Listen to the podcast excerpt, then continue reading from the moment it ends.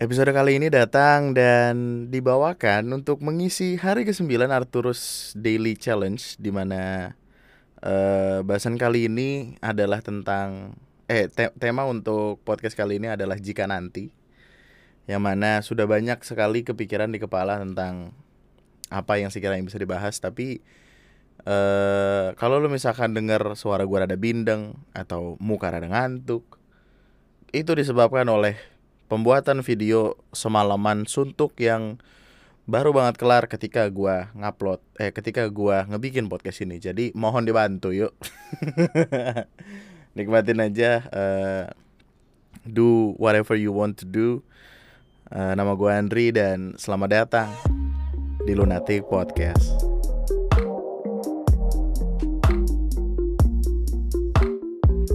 Anyway, apa kabarnya? Sudah lama semenjak terakhir gue menanyakan hal itu gue yakin ada sesuatu hal baru yang lo lakukan weekend weekdays.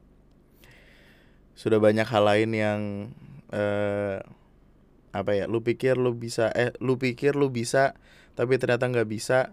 Kemudian lu meragukan diri lu di kemudian hari terus bilang kayak ah ngapain gue lakuin ini? Terakhir kali gue ngelakuin ini juga gagal. Jangan gitu coba aja dulu. Kayak contohnya gini lu tiba-tiba pengen diet nih karena lu sadar berat badan lu lagi nggak proporsional buat so buat buat apa yang ada di kepala lu lah gitu. Tidak sesuai keinginan lu karena nah ya jujur-jujuran aja berat badan yang makin tinggi tuh kadang mempengaruhi sifat sikap seseorang gitu. Anjing gua aja kolesterol naik marah-marah mulu gua kerjaan marah-marah apa apa marah-marah. Ntar gua mau ke Jogja lagi kalau kalau di Jogja gua banyak makan kambing gua pasti uh kayak kayak macan kan singa makannya daging kan. Coba aja dulu kalau misalkan uh, lu pengen ngelakuin sesuatu coba aja dulu. Karena kalau misalkan lu penuh keraguan-raguan ya malah nggak bakal ke mana-mana. Anjing gua aja tuh awalnya meragukan diri gua loh. Biasanya gue berhenti di hari ke-8 sekarang hari ke-9 gue nggak tahu rekor baru. Hmm, anyway gue kayak yang gue bilang tadi di awal gue baru aja ngebikin sebuah video.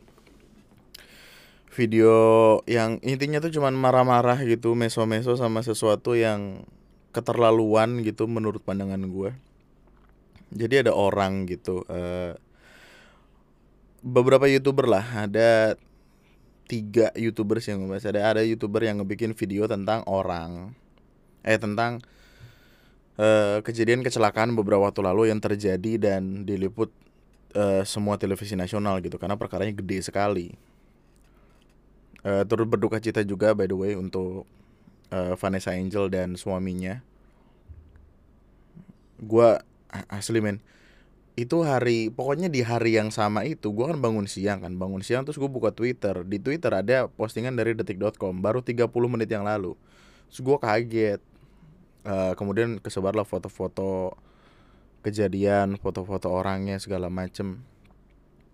Yang mana cukup ini juga sih cukup apa ya menyebalkan juga. Karena karena gini loh kalau misalkan lu as a person ngelihat foto-foto kayak gitu terus taruh di sosial media menyebalkan sekali men.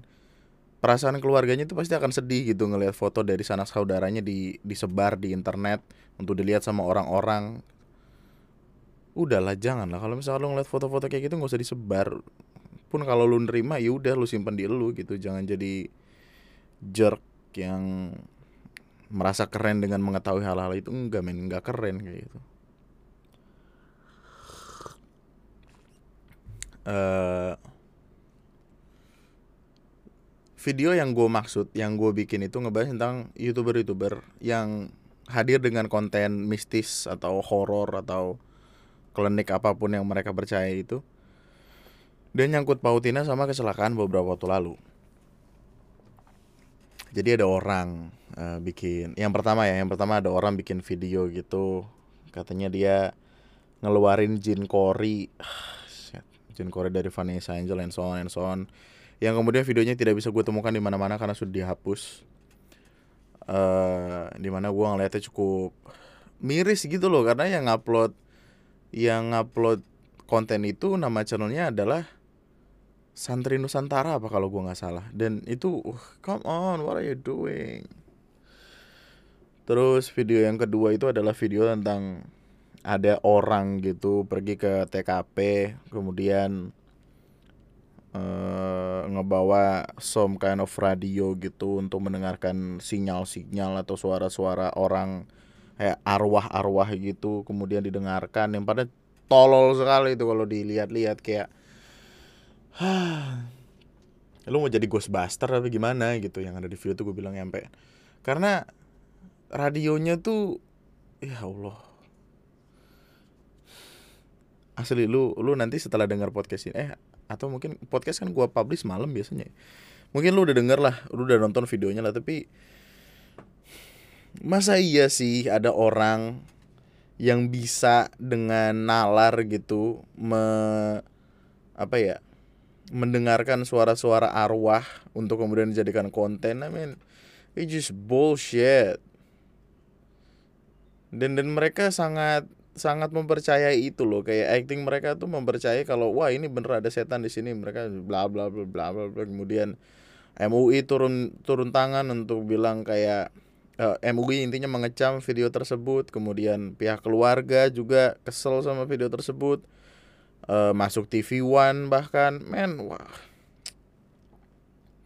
Nggak lama setelah itu yang punya video minta maaf minta maaf terus bilang katanya mereka ingin mendoakan. Ya mendoakan ngapain lu kontenin? Mendoakan mana yang bawa radio terus sosokan pengen ngedenger arwah and son and son ugh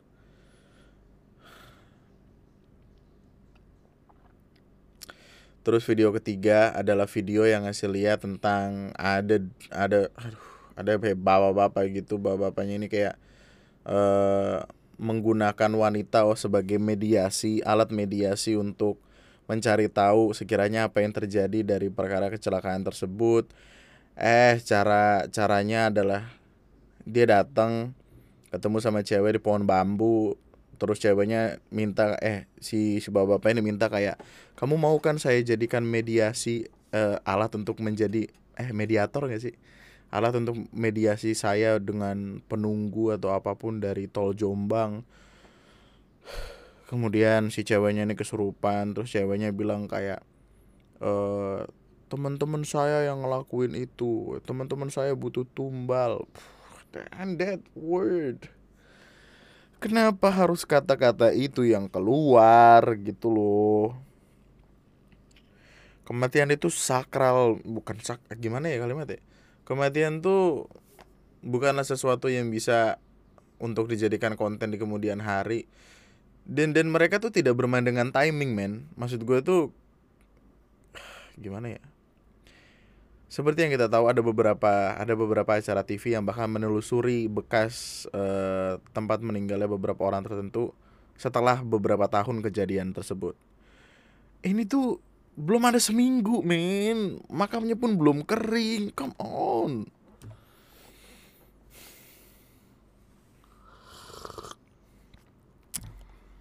Dan apalagi yang dicari kalau bukan sekedar cuan gue tahu duit dari YouTube itu menggiurkan sangat amat menggiurkan tapi ya kalau caranya dengan mematikan empati apakah itu normal untuk dilakukan? Anjing gue meso-meso 22 menit videonya. Hmm.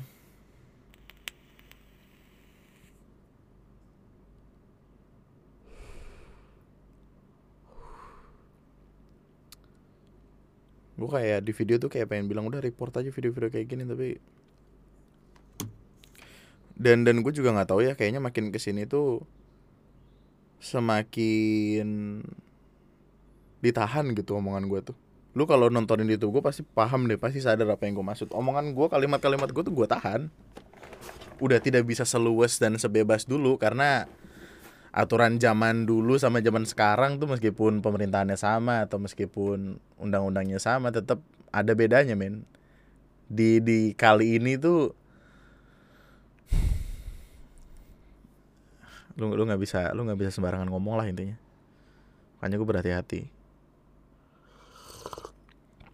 Dulu aja gue bisa gue bisa ngeren orang separah apa pun separah yang ada di kepala gue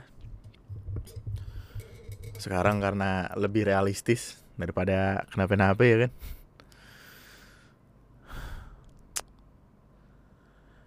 YouTube tuh udah nge, udah jadi udah jadi ini loh, udah jadi tempat yang kayak apa ya? Kayak padang pasir tempat koboi-koboi gitu loh. Senjata lu eh semakin semakin gede senjata lu semakin lu menang gitu. Semakin banyak tim lu semakin lu bisa upload tiap hari viewsnya banyak, cuan yang dapat banyak. Eh kenapa sebenarnya omongan gue tahan-tahan segala macam ya? Karena jika nanti anjing itu masuk ke tema. Bridgingnya maksa bet. Ya kalau nanti YouTube udah mati kayak yang gue bilang di uh, episode pertama Arturus ada ketakutan kalau gimana nantinya kalau YouTube mati gitu. Gimana nantinya kalau misalkan platform segede YouTube itu bisa dikalahkan oleh let's say TikTok Instagram atau Meta yang sekarang punyanya Facebook. Bukan yang Facebook ganti nama jadi Meta. Bukan Facebook.com tapi di whole company of Facebook. Kayak kayak lu kan pernah denger kan WhatsApp diakuisisi sama Facebook. Ya sekarang udah udah berubah jadi kayak WhatsApp diakuisisi sama Meta. Meta itu nama company bukan nama website. Karena dari kemarin banyak banyak orang kelimpungan gitu ih berarti nanti facebook.com jadi meta.com ya enggak gitu konteksnya cuy perusahaan yang ganti nama bukan website ya. Nah atau mungkin bisa ya? Gua nggak tahu. Gua nggak ngedalamin tentang itu. Banyak orang yang menggantungkan hidupnya pada YouTube. Dan bahkan mungkin orang-orang yang gue sebutkan di awal tadi orang-orang yang tiba-tiba ngebikin konten dengan perkara apa pun di kepalanya gitu. Tapi ya kalau nantinya YouTube mati harus nyari cara lain gitu. Let's say menjadi influencer di Instagram gue sekarang jadi seneng banget ngupload story entah kenapa. Lu kalau sadar IG story gue isinya meme-meme lucu-lucu wow-wow aja lawak banget. Ada orang cecetan sama Gojek uh, terus bilang kayak mau maaf uh, apa yang jual masih tidur.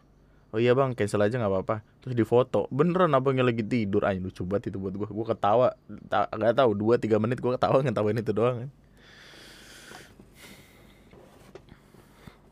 atau mungkin gue akan at the end of the day joget-joget di TikTok nggak ada yang tahu. Kalau mau realistis mah bisa-bisa aja.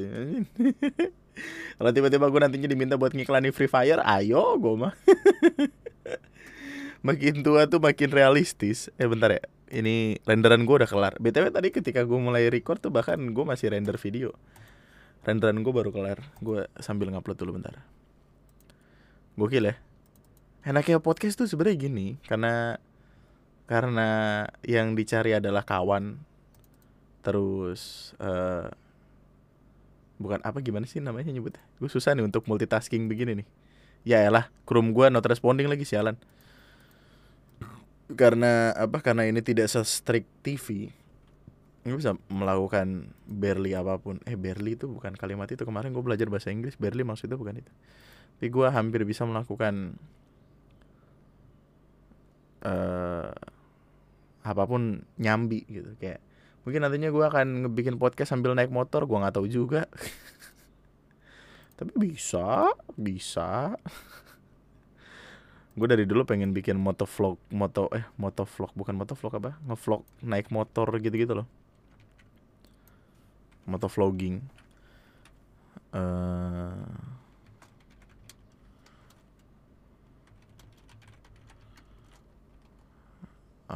oke. Bentar, bentar. Uh, ada beberapa youtuber yang me, apa namanya kalau kalau ini man uh, mengkomoditikan bukan. Mengeksploitasi. Bukan. Yang ngebikin konten. Ih anjing ada laler Kenapa sih kamar gue setiap gue nge-podcast ada laler mulu anjing? Siapa sih yang ngirimin di sana amat di rumah. Yang bikin konten mistis tapi ngebawa perkara yang terjadi beberapa waktu lalu. Di mana tentu saja tidak etis tidak beretika dan ada satu youtuber yang bahkan videonya masih ada loh. Cuan. Nyari cuan.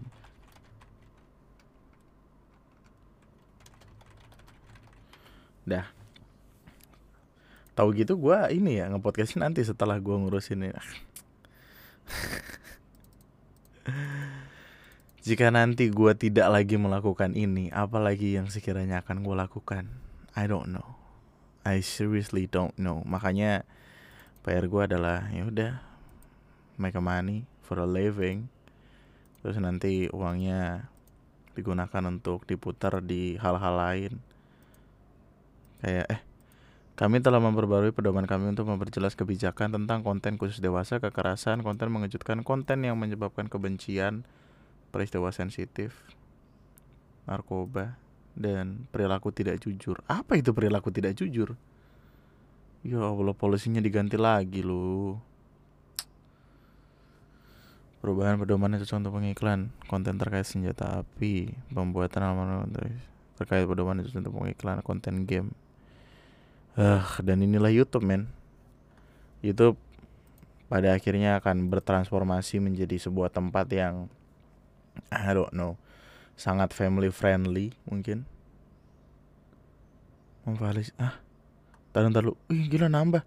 Jadi gini Ketika kita mau ngupload video akan Kita akan diminta untuk mengisi sebuah kuesioner Yang mana isinya itu berhubungan dengan video. Kayak uh, apakah dalam video itu ada bahasa yang tidak sopan, apakah di video itu ada konten khusus dewasa dan kalau ada kita harus ngirim rating ke YouTube supaya YouTube pada akhirnya bisa apa ya bisa ngecek by komputer apakah aman atau enggak and so on and so on. Terus awalnya itu cuma ada bahasa tidak sopan konten khusus dewasa kekerasan konten mengejutkan tindakan merugikan atau berbahaya.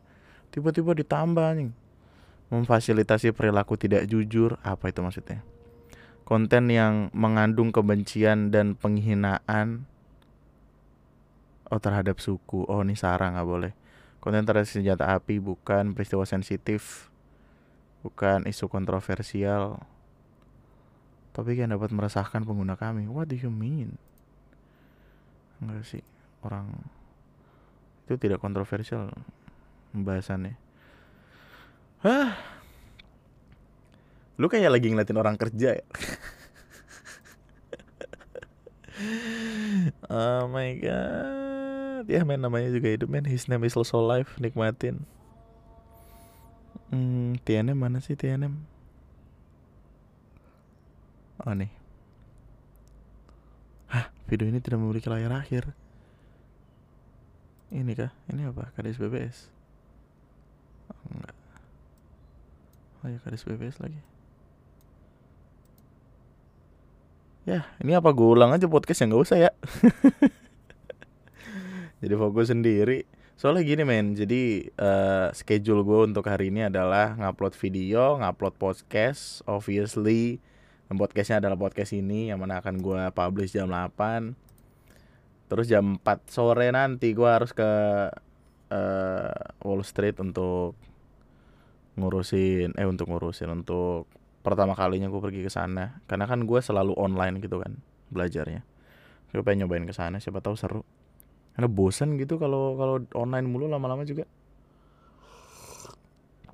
atau emang gue lagi butuh keluar aja karena gue seminggu tidak ke mana-mana like I mean seriously gue di sini doang kecuali kemarin yang nganterin adik gue Iya, iya bener. Oh, wow, gue juga baru sadar lagi siaran. Dan kalau misalkan nanti YouTube kenapa-napa, gue pada akhirnya mungkin akan jadi karyawan, akan ngelamar di sebuah per, apa, perusahaan, gue nggak tahu juga. Tapi yang gue bersyukur adalah gue sudah uh, jadi kan ketika gue lamaran uang untuk nikahannya udah gue serahkan ke pihak perempuan kan ke pihaknya Ara. Yang berarti untuk perkara pernikahan well gue cuma perlu nambahin mas kawin sama seserahan ya mahar sama seserahan udah gitu. Jadi untuk perkara pernikahan gue kon gue cenderung aman. Uh, terus tinggal nyari budget untuk forever home kami nantinya. Gue Ara anak-anak gue adik gue dan nyokap. Dan setelah itu gue nggak tahu apa lagi yang mau gue kejar karena gimana ya semakin sedikit semakin sedikit eh, cita-cita yang kita punya kebahagiaan kita akan menjadi semakin simpel dan sederhana gitu.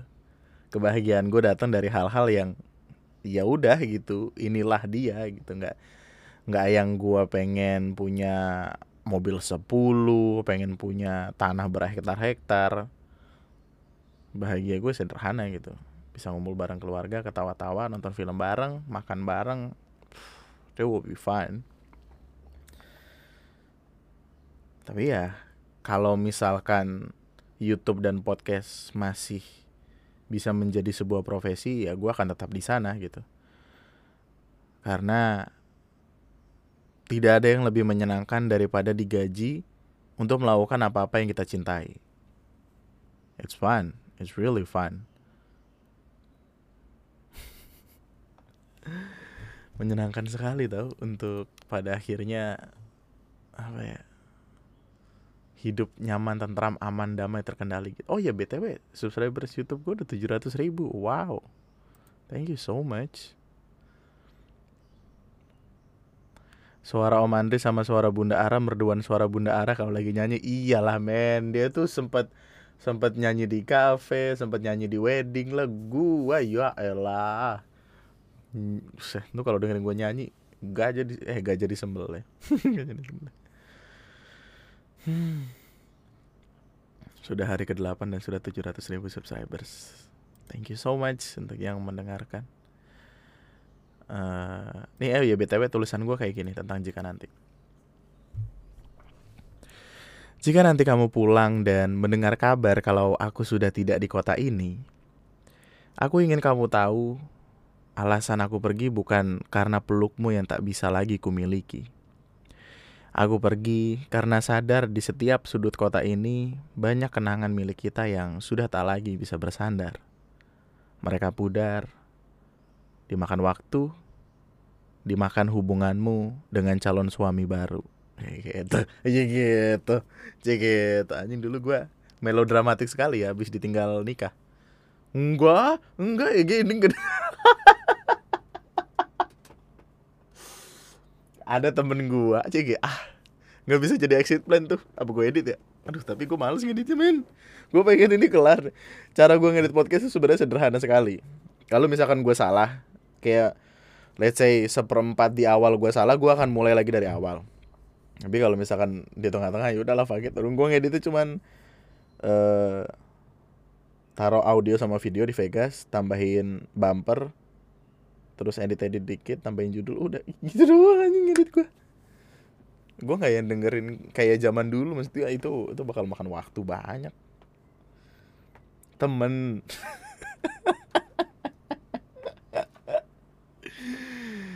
Jika nanti kamu pulang dan mendengar kabar kalau aku sudah di sudah tidak di kota ini, aku ingin kamu tahu alasan aku pergi bukan karena pelukmu yang tak bisa lagi kumiliki. Anjay, pelukmu yang tak bisa lagi kumiliki. Puiti sekali sih bapak ini.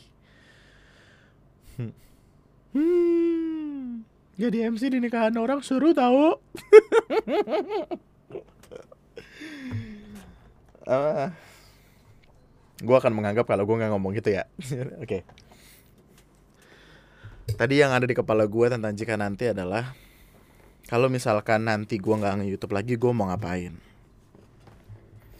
Mungkin gue akan ya kayak yang tadi, either either gue akan menjadi manusia normal pada umumnya, atau gue akan pergi ke desa, ke kampung gue untuk membuka usaha, hidup dengan kesederhanaan.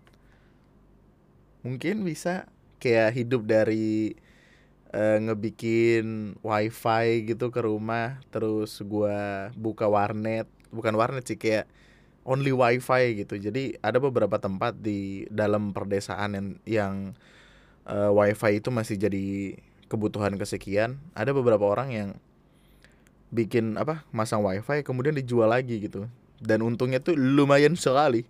Mungkin gue akan jadi kayak gitu gue nggak tahu. Tapi kalau gue kayak gitu gue pasti akan diprotes warga yang padahal gue yakin bahwa bapaknya juga pasti akan ngikut untuk nonton Mango ya Bang, Mango itu aplikasi apa sih? Jangan dicari. Aduh lucu banget itu.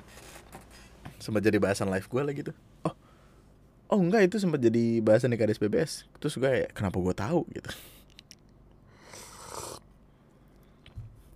Anyway, aduh gue takut nih kalau dolar kuning anjing bahasannya soalnya rada nyilu. eh gue ngomong sambil sambil sebat-sebat ya. Karena ini pada akhirnya gue bisa merasa tenang ketika videonya sudah selesai gue render terus lagi di upload hmm.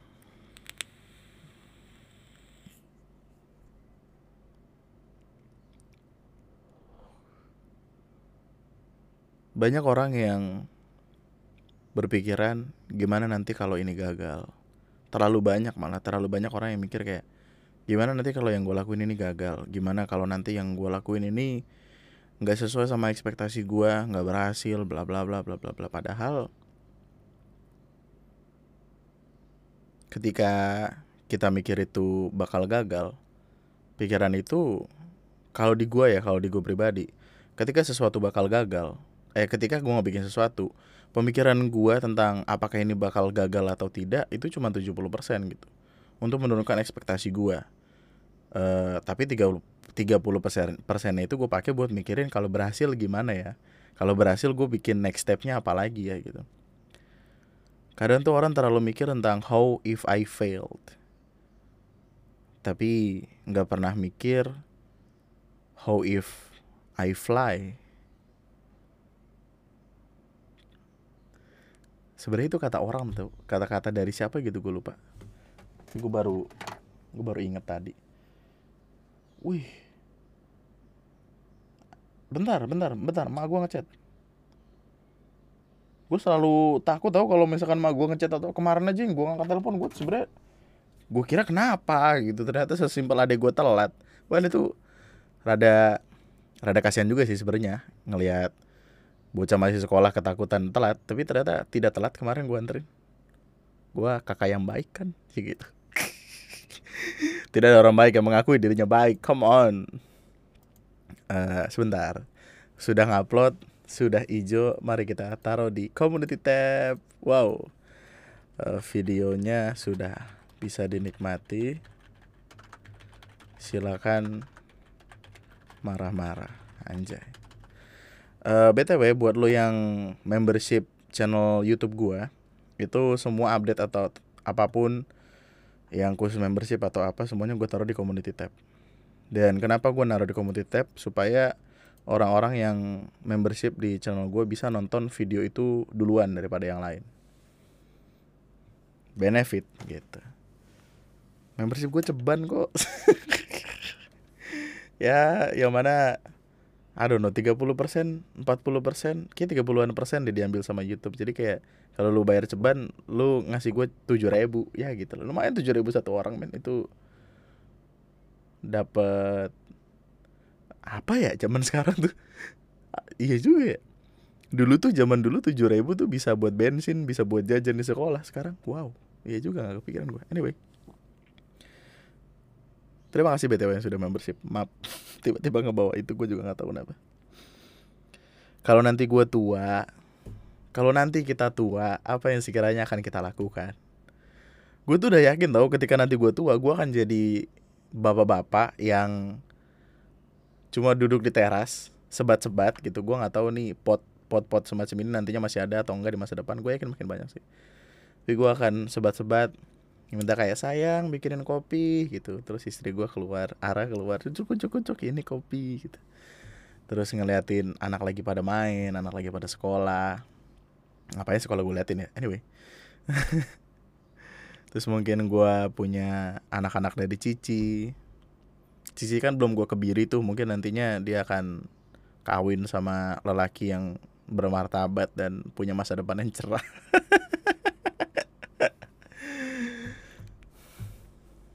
uh,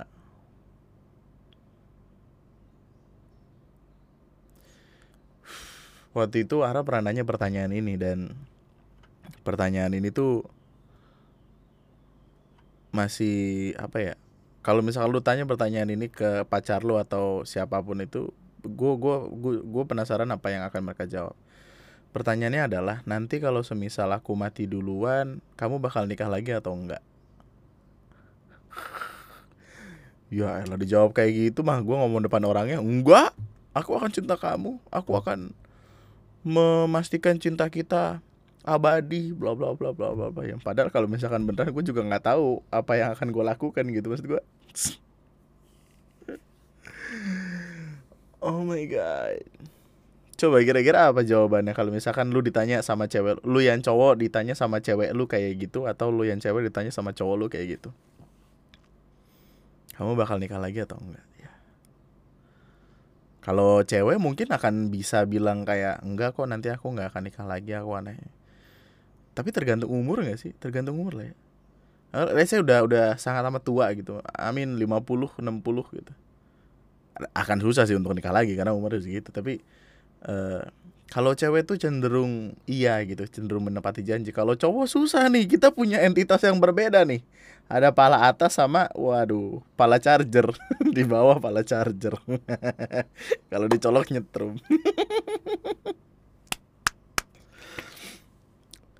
Uh, tapi tapi uh, gue nggak tahu. Sampai sekarang gue nggak tahu jawabannya mesti apa. Gue akan bilang ya gue akan tetap mengingat siapa istri gue di dalam kepala gue gitu tapi kasusnya tidak sesimpel itu men ya juga ya gimana ya jika nanti itu sebenarnya adalah sebuah apa adalah kumpulan pertanyaan-pertanyaan yang akan membuat kita overthinking pada akhirnya. Kayak pertanyaan yang waktu itu kan yang gue tanyain kayak kalau misalnya nanti kita di surga kita bakal ngapain selamanya bla bla bla bla bla. Itu kan datang dari sesimpel what if kan jika nanti gitu. What if we die and we don't know what to do in that eternity? Eternity? Eternity? I don't know.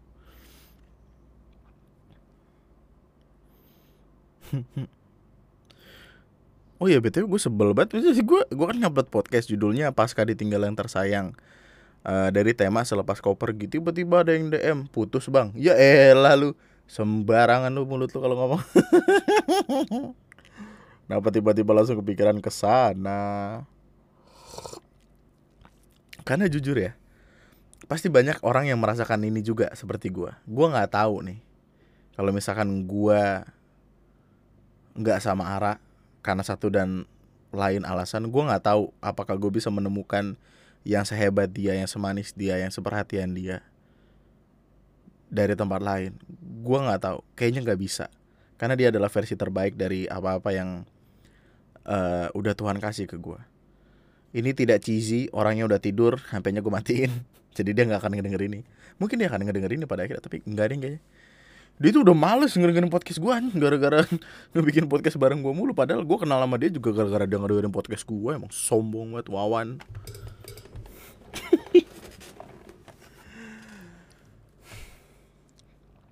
coba pertanyakan deh untuk lo yang sedang berada di relationship atau eh di mana keadaannya mungkin sedang tidak baik-baik saja. Coba lu tanyakan ke diri lu sendiri apakah sekiranya kalau misalkan lu berdua putus apakah sekiranya ada yang bisa menggantikan dia? Apakah ada yang bisa menggantikan orang ini? Kalau jawabannya ada, kenapa lu masih tinggal? kalau lu tahu tidak nyaman untuk melakukan itu. Gua nggak tahu sih. Relationship itu pusing men. Dulu gua waktu masih bocah bisa tuh sembarangan bilang kayak kalau kalau nggak ini ya putus sekarang ya lah semakin dewasa semakin tidak peduli peduli amat sama cinta karena kita udah tahu kalau cinta itu tidak segalanya endorfin, feromon, dan serotonin tidak berlaku seperti ketika kita muda. ABG ABG cici cici ya namanya juga ABG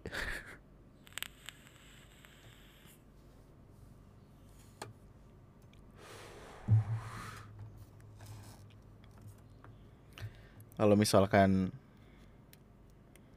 dunia pada akhirnya tidak sesuai dengan apa yang ada di kepala lu gimana? Siap nggak buat ngade buat ngadepin masa yang akan datang dengan semua pemikiran-pemikiran di kepala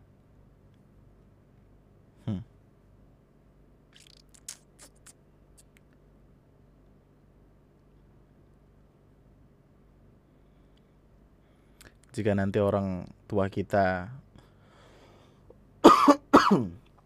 orang tua kita udah nggak ada kemudian kita akan menjadi orang tua lainnya dalam catatan kayak pada akhirnya kita punya cucu apa yang akan kita lakukan?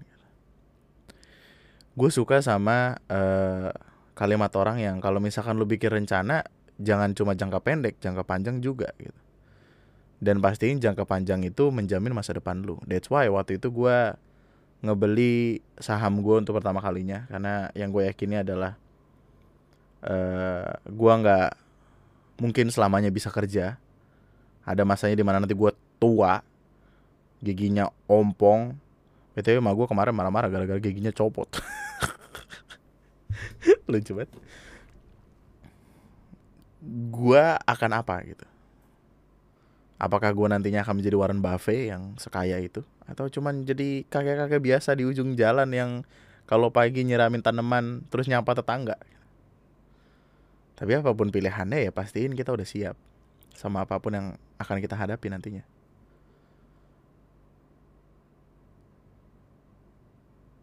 Gua udah mulai berusaha untuk uh, mengikuti paham yang gue gue lupa apakah gue pernah bilang ini di podcast atau enggak kalau gue ngulangin uh, omongan ini gue minta maaf karena gue emang clearly kadang tuh suka lupa sama apa yang gue omongin tapi banyak orang yang bilang kayak kita di masa muda harus habis-habisan supaya masa tua kita tuh tenang, lancar, aman, jaya, terkendali. Kita harus kerja keras, sukses supaya masa tua kita aman. Sekarang gue mulai memegang uh, kayak gue pengen masa muda gue gue habiskan tidak semuanya bersenang-senang ada struggle juga di sana tapi at least gue mendapatkan kesenangan di masa gue muda dan di masa gue tua nanti. Karena tidak semuanya bisa gue lakukan ketika gue tua nanti. Gue mungkin bisa jadi kayak kakek kakek umur 60-70 yang masih jalan-jalan keluar kota ke Jogja ke Bali ngeliat cewek-cewek pakai bikini kan kadang kalau tua tuh tapi gue nggak pengen yang menikmati itu cuma ketika gue tua gitu. Gue juga pengen senang-senang ketika gue muda. Jadi tidak yang terlalu struggle untuk mengejar masa tua yang bahagia. Enggak juga gue pengen yang kayak masa muda gue ada bahagianya. Supaya nantinya gue bisa punya banyak cerita untuk gue ceritakan ke anak cucu gue dan di masa tua nanti gue juga masih mendapatkan kebahagiaan. Seneng gitu karena gue nggak gue ini ini perasaan gue doang ini subjektivitas gue doang tapi di kepala gue tuh kalau misalkan senang senangnya cuma waktu tua itu gimana ya? Old school sekali gitu pemikirannya. Nggak nggak salah nggak salah untuk berpikir demikian tidak salah tapi harusnya tidak salah juga dong ketika kita menikmati masa-masa sekarang ini masa-masa ketika kita muda ada masanya lah di mana kita berusaha. Ada masanya di mana kita bersenang-senang juga. Tidak yang semerta-merta semuanya senang-senang. Dan tidak juga semerta-merta bilang kayak ih si ini kagak kerja tapi eh bukannya kerja malah senang-senang mulu gitu. Ya kita nggak tahu struggle yang dihadapin apa. Dan sebaliknya kita juga nggak bisa yang bilang kayak ih lu nongkrong eh ih lu kerja mulu gitu. Nongkrong lah sekali-kali. Ya nggak bisa juga. Ada sesuatu yang diperjuangkan. Dan gue sedang berusaha untuk mem menyeimbangkan kedua sisi itu supaya tidak capek doang nih boy. Uang emang harus dicari. Tapi apa gunanya menangis apa punya Ferrari tapi nangis dalam mobil itu? Masih gue bawa dong Ferrari dan nangis. Ya ampun masih ke bawah ini.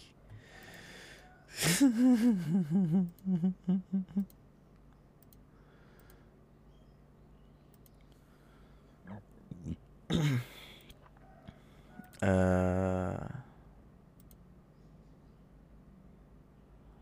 gue gue ntar dulu gue lagi ngeliatin komen nih nggak tahu kenapa ya. Ya gini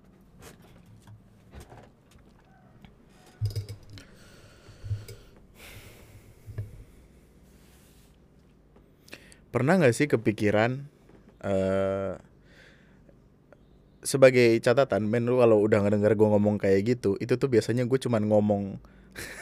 Gue cuman ngomong terus kata yang selanjutnya tuh masih ada di kepala lagi dipikirin. Kayak pernah nggak sih lu? Nah itu tuh biasanya gue lagi mikir tuh. Jadi kayak kata pernah nggak sih lu? Uh, gue tuh sebenarnya bingung gitu Nah itu tuh itu tuh sebenarnya kalimat selanjutnya belum gue temukan, tapi gue lempar aja dulu. Dan itu biasanya nge-trigger sesuatu. Eh, kenapa gue ngomongin ini ya? Harusnya nggak gue kasih tahu tuh, itu rahasia tuh.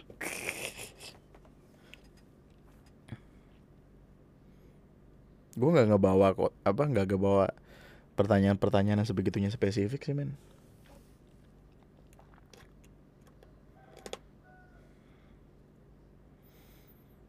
Banyak dari kita yang mengejar kebahagiaan, banyak dari kita yang mengejar hal-hal menyenangkan, tapi lupa untuk menyeimbangkan masa muda dan masa tua.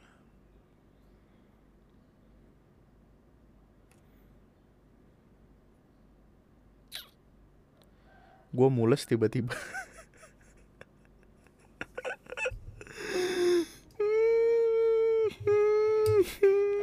Gila nggak fokus banget men podcast kali ini.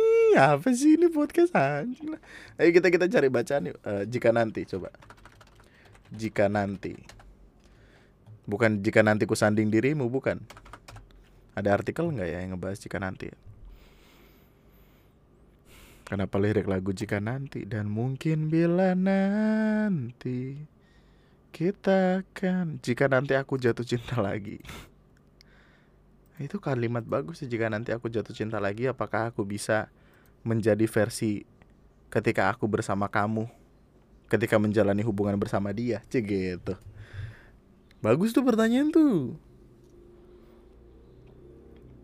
Ini buku siapa ya namanya? Penulis Istiana. Terima kasih sudah pernah singgah di hatiku tanpa izin. Terima kasih telah meninggalkanku tanpa kata.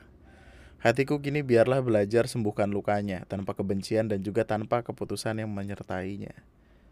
Barang yang sudah dibeli sudah melalui quality control. Oh, bukan. itu itu bukunya. Itu di bawah bukunya. Itu di bawah sinopsis. Apa ya? Lucu lagi gue.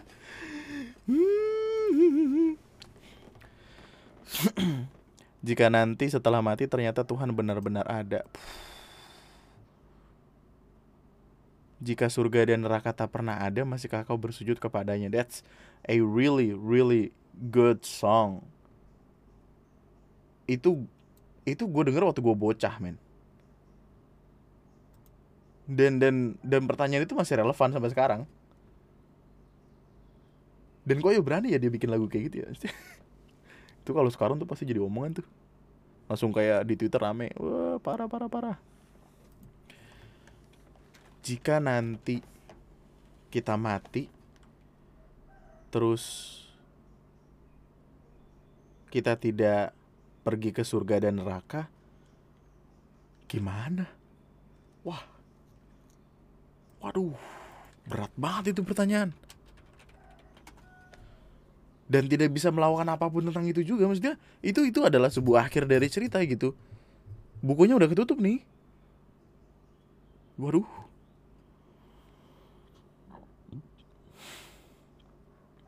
Wah, oh, gue belum nemu jawabannya, men. Nanti kalau gue ketemu jawabannya, ingetin gue ya. Kita bahas dah. Uh, seperti biasa gue nyari di Hipwi. Menikah itu bukan lomba lari. Ini sisi positif. Jika nanti kamu terlambat menikah, bagus, bagus. Kalian berdua bisa bertahan sampai nanti jika mampu melewati lima fase hubungan ini. Wah, apa nih? Gue pengen tahu nih. Penasaran gue. Sejatinya, pohon jati itu gitu. Sejatinya, setiap hubungan yang kamu jalani selalu melewati setiap fase yang berbeda. Kamu dan dia pun akan mendapatkan pengalaman berbeda setiap mampu melalui fasenya. Dari sini, ketangguhanmu dan dia jelas akan sangat teruji. Pertama kali bertemu dia dan kemudian jatuh cinta bisa jadi menjadi fase termudah yang bisa kamu lewati tanpa hambatan. Lalu setelahnya butuh perjuangan berdarah-darah yang harus kamu dan dia lakukan. Untuk menjalani hubunganmu dan dia sekarang, setidaknya ada lima fase ini yang akan atau sedang kamu lewati. Kamu dan dia jelas punya masa depan. Kalau kelimanya berhasil kamu lewati tanpa berpikir untuk menyerah anjay uh, it's a good word I mean uh,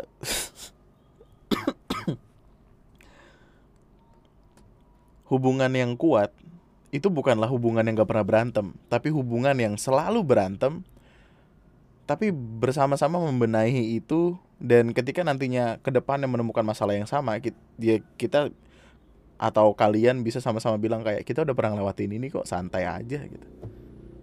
Yang penting kesalahan yang sama tidak diulangin ya.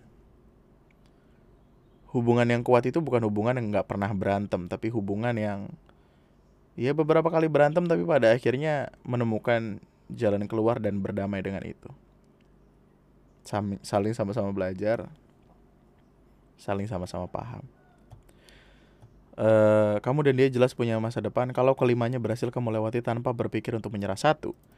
Fase saat kamu bertemu dia kemudian saling jatuh cinta. Syarat mutlak, ke mana-mana harus berdua. Susah yang LDR nih. Masih LDR, iya. Terakhir gue punya teman yang LDR, terakhir banget nih, masih baru banget, masih anget banget. LDR baru beberapa minggu putus. Astaga. Dua, berlanjut ke fase makin saling mengenal kepribadian masing-masing. Kamu dan dia dituntut untuk mau saling mengerti. Seperti contohnya gua.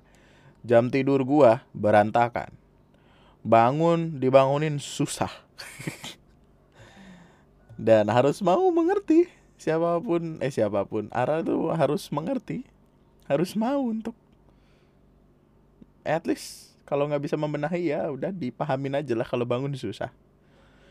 Masalah pun makin datang silih berganti. Di fase ini, komitmen kalian sedang diuji. Anjay, komitmen. Komitmen yang terbukti kuat membuat kamu dan dia berubah menjadi dua orang yang fasih dengan kekuatan pas eh, dengan kekurangan pasangan. Namun memilih untuk bertahan. Nah, ini nih. memilih untuk bertahan ini nih biasanya dimiliki oleh orang-orang yang udah umur 25 ke atas nih Bocah-bocah tuh biasanya kayak bocah SMP lu pacaran apa pacaran bilang gak cocok putus. Nggak ada makhluk di dunia yang sama-sama cocok satu sama lain. Nggak ada. Ngarang aja lu. Berbagai cobaan yang berhasil kalian lewati menjadikan kalian tak hanya sekedar pasangan lagi. Lebih dari itu, kalian adalah partner sejati. Anjay, partner sejati. Gue juga nggak tahu kenapa gue sering ngomong anjay. jika nanti tuh rata-rata emang kebawanya ke relationship ya jika nanti tidurku ngorok apakah kamu masih mau menemaniku tidur gitu jika nanti aku suka naruh handuk sembarangan apa kamu masih mau nyuciin baju aku gitu Sepuluh potret kucing caper kemajikan Iya elah kenapa sih menanti gaduhnya dunia jika band legendaris Oasis reunian. Uh, Sandiaga Uno janji berikan seluruh gajinya jika terpilih jadi wapres nanti. Yo, kenapa tiba-tiba politik?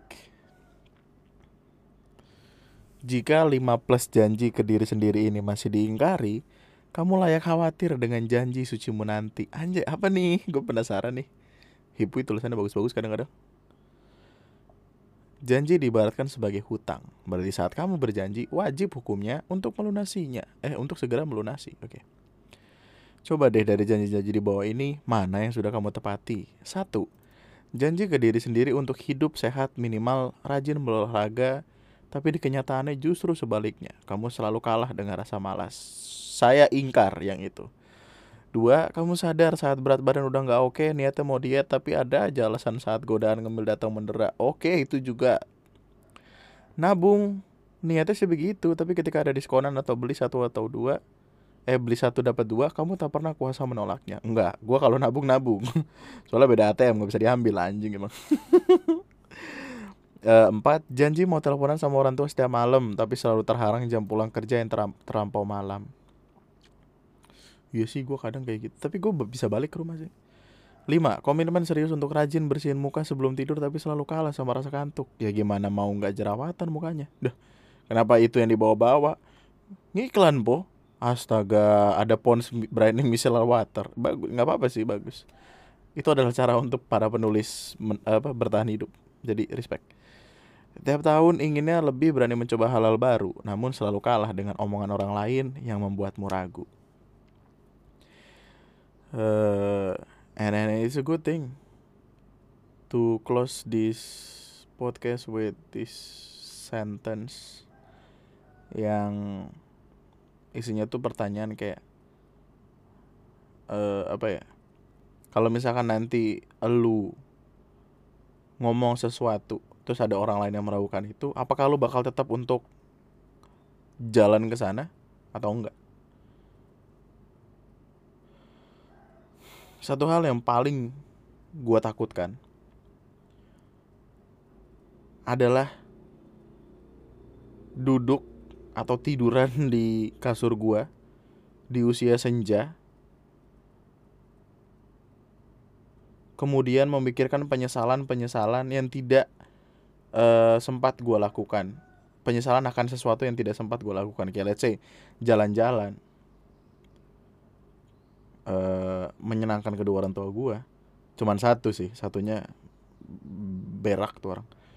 Uh, menyenangkan anak-anak gue istri gue adik gue jika nanti kita mati atau sekarat dalam kondisi penyesalan-penyesalan itu gue yakin itu pasti nggak enak banget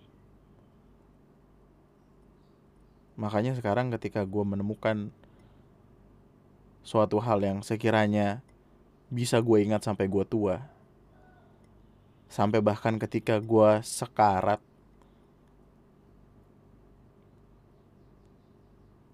gue akan melakukan itu.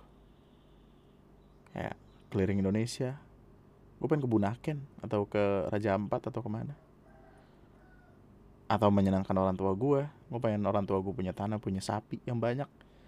Suka gak habis habis itu sapi pokoknya. Mati satu tumbuh lagi gitu. Adik gue istri gue nantinya.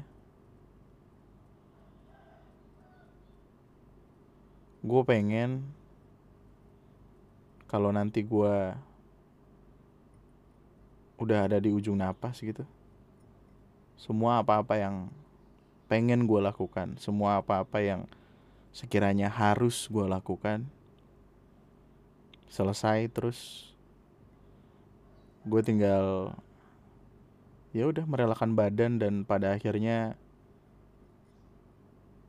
pergi dengan bahagia gitu. Pergi dengan tanpa penyesalan di kepala.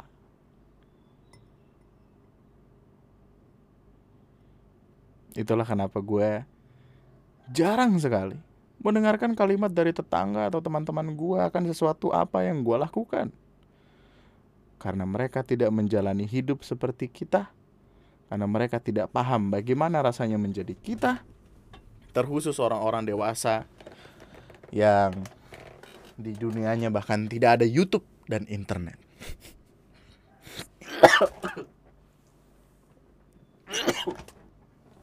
gue tiba-tiba gue tiba-tiba langsung kayak gitu. Disantet boy. Anyway uh, 54 menit nih. Lu tau gak sih tadi tuh uh, eh, gue ngeliatin di deretan Spotify tuh orang-orang yang upload dua hari seminggu tuh kira-kira durasinya berapa lama ya?